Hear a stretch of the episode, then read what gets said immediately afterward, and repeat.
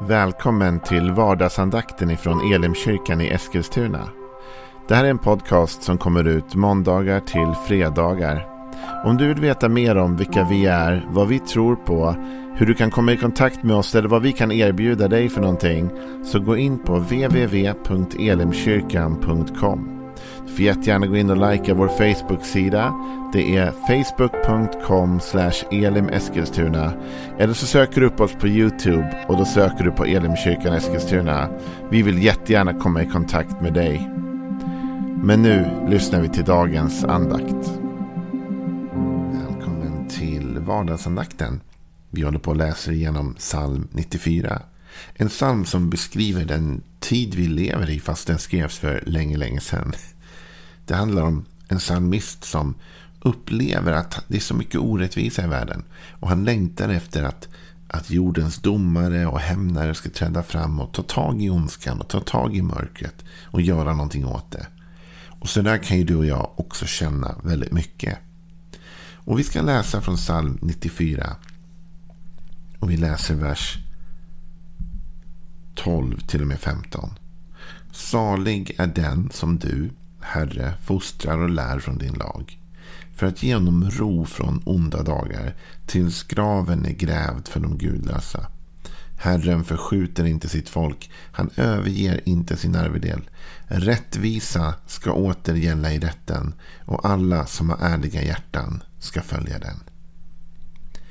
I den här femtonde versen, rättvisa ska åter gälla i rätten och alla som har ärliga hjärtan ska följa den så antyder ju psalmisten att rättvisan inte just nu gäller.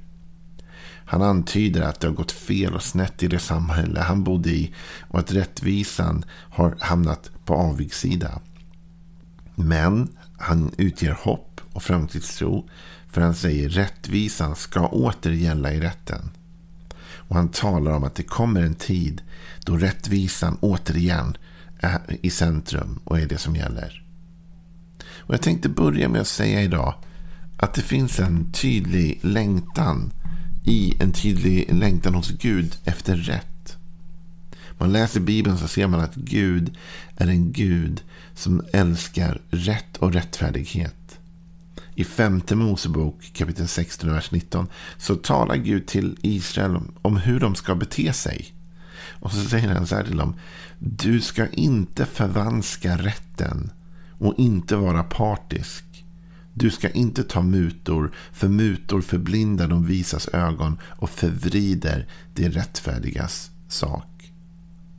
Här är en väldigt tydligt uttryckt längtan från Guds sida efter att du och jag skulle leva rätt.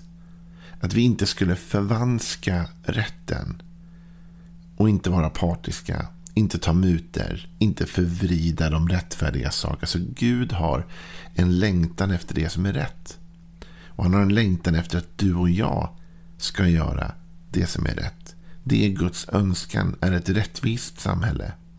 Man läser Bibeln rätt igenom så ser man att Gud ständigt blir irriterad eller arg på Israel när de förvränger rätten. När de förtrycker änkorna eller de fattiga eller de utsatta så kritiserar han dem och tycker att de behöver upprätthålla rätten så att säga. Det är en viktig fråga för Gud. Därför den har med Guds egen karaktär att göra. Gud är rättfärdig. Gud är rätt. Han gör det som är rätt och han står för det som är sant och riktigt. Och därför är det viktigt att vi också söker rätten. Jag menar inte att du och jag ska leva perfekt. Eller vi kan inte det. Det är väl en önskan alla har att leva perfekt. Men det är ingen som gör. Och vi, klart vi söker helighet och allt detta. Men det handlar framförallt om att söka ändå rätten. Även om jag misslyckas ibland, även om jag gör fel ibland. Även om vi som samhälle inte alltid lyckas. Så bör ändå vår ambition vara rättvisa. I alla lägen. Att behandla människor rätt och riktigt och med lika värde. Rättvisan är någonstans en grundförutsättning för det kristna livet. Därför vår Gud är en rättfärdig Gud som söker rätten. Och som blir ledsen och arg och irriterad när rätten förvrängs. Bibeln talar till och, med, till och med om honom som den rättfärdige domaren. Det i både positiv och negativ mening faktiskt. I Andra Timoteusbrevet 4.8 så säger Paulus här. Nu väntar mig rättfärdighetens segerkrans. Den ska Herren, den rättfärdige domaren, ge mig på den dagen. Och inte bara mig utan alla som älskar hans återkomst. Här talas det om att Gud är den rättfärdige domaren. Han är den som dömer rätt. Och han skulle ge Paulus en rättfärdighetens segerkrans på den dagen. Och då talar Paulus om den dagen då han kommer hem. Den dagen han lämnar jorden och kommer till himlen. Och han säger det gäller inte bara mig utan det gäller alla som älskar hans återkomst. Gud är en rättfärdig domare. Som vill ge en rättfärdighetens segerkrans. På den dagen. Så vi ser igen. Psalmisten sa rätten ska åter gälla i landet. Du vet, ibland blir det, det tar lite tid. Och det är därför att Gud, som vi har sagt tidigare, vill ge människan en chans att vända om. Vill ge människan en chans till bättring. Vill ge oss som samhälle och oss som värld en chans att själva ta tag i våra problem och visa att vi också söker rätten. Men förr eller senare så kommer en dom och Paulus till och med såg fram emot den. För han kände att han hade tagit emot nåd från Jesus och förlåtelse och stod på rätt sida och, och skulle få rättfärdighetens segerkrans av den rättfärdige domaren.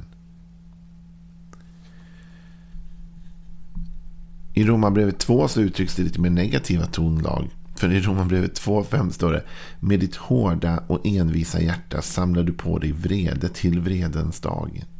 Då Guds rättfärdiga dom ska uppenbaras. Då Guds rättfärdiga dom ska uppenbaras. Alltså egentligen är också det här positiva nyheter tycker jag. Jag vet att det är en, en tuff text på ett sätt som handlar om att det onda också samlar sig på hög. Men det är också så att det finns något positivt i att ondskan, mörkret en dag ska dömas. Är det inte så att vi ändå längtar efter att orättvisorna ska få ett slut? Är det inte så att vi ändå längtar efter att krigen ska ta slut? Hatet, mördandet, mobbandet. Är det inte så att vi längtar efter att allt det där någon gång ska få ett slut och någon gång också ska bli dömt för vad det är? En orättfärdighet. Du och jag, om vi har tagit emot Jesus i vårt hjärta, vi behöver inte frukta en dom där vi går förlorade. Utan den som har tagit emot Jesus går inte förlorad. För Gud sände inte sin son till världen för att döma världen, utan för att världen skulle räddas genom honom. Och vi läser ju också innan det att Ty så älskade Gud världen att han gav den sin enfödde son. För att den som tror på honom inte ska gå under. Utan ha evigt liv. Du vet i Jesus Kristus blir vi fria från den, den domen som egentligen skulle ha drabbat oss. Och vi kan säga som i Romarbrevet att det blir ingen fällande dom för den som är i Kristus Jesus. Om du har Jesus i ditt hjärta behöver du aldrig frukta. Du kommer inte dömas, du kommer bli frikänd. Jesus har betalt priset för din och min synd. Men ändå så kommer den dag då Gud kommer göra upp med ondskan. Då Gud kommer döma orätten. Och vi borde vara glada för det. Vi borde se fram, se fram emot den dagen. Därför den dagen så blir vi av med detta ondska, detta elände. Och den dagen kommer rätten åter gälla i landet. Och det är en längtan vi kan, liksom, det är något att se fram emot. Det är något att sträva efter.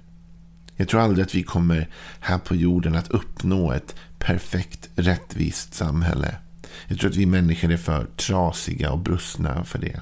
Men vår strävan borde alltid vara rätten och rättfärdigheten. Och i alla fall mitt hjärta så tänker jag att församlingen borde ännu mera vara en plats där rätten råder. Där det goda segrar. Där rättvisa är ledord. Där vi behandlar alla lika. Där vi inte liksom sätter upp någon människa över någon annan. Utan vi rättvist behandlar var och en. Där vi inte tar muter. Där vi inte ägnar oss åt maktspel. Där vi inte förvränger saker och ting och förvränger sanningen. Utan där vi söker det goda. Det borde vi göra. Sen säger psalmisten något intressant i psalm 94. Han säger att rättvisan ska återgälla i rätten. Och alla som har ärliga hjärtan ska följa den. Alla som har ärliga hjärtan ska följa den. Alltså om vi har ärliga hjärtan så söker vi rättvisan och rätten. Om ditt och mitt hjärta är rätt inför Gud och rätt inför min medmänniska så kommer jag vilja det som är rätt också. Och därför så, så kommer det alltid finnas människor som inte söker rätten. Därför det finns människor som inte har ärliga hjärtan utan har trasiga, manipulativa, sårade, skadade hjärtan som leder dem till, till allt annat än rätt och rättvisa. Men alla som har ärliga hjärtan ska följa den. Och Det här var intressant för när jag läste i folkbibeln så fanns det en, en notis till som sa att det också går att översätta på ett annat sätt. Det här följa den kan också översättas med ha en framtid.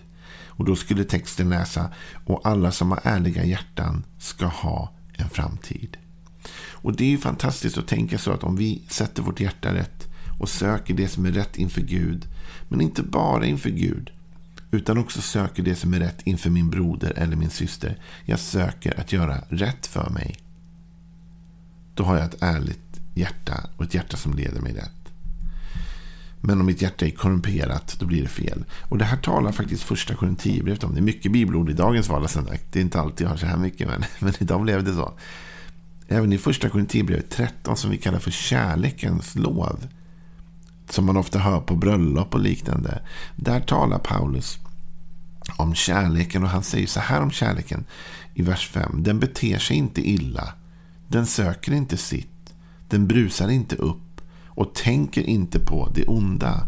Den glädjer sig inte över orätten, men gläds med sanningen.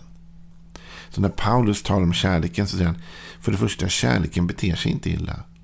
Så med andra ord, om du har Guds kärlek i ditt hjärta och har ett ärligt hjärta, då beter du dig inte illa mot andra människor. I alla fall inte som regel. Jag menar, vi kan alla falla ibland och göra fel och, och alla har vi dåliga dagar och alla gör vi ibland ett avsteg från, från det normala. så att säga. Men en människa som ändå lever med Guds kärlek i sitt hjärta. Som norm beter sig inte illa, söker inte sitt, brusar inte upp. Tänker inte på det onda. Och så kommer det. Gläder sig inte över orätten. Alltså en människa som har kärlek i sitt hjärta gläder sig inte över orätt utan söker hela tiden rättvisa och rättfärdighet. Och då kanske du tänker, men har jag Guds kärlek i ditt hjärta? Jo, du har det.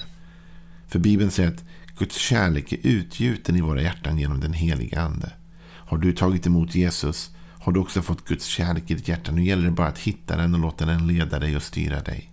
Och vaka över ditt hjärta. Så att inte ditt hjärta blir korrupt och söker orätten. Vad är det jag vill ha sagt idag? Vad är det jag tror David säger?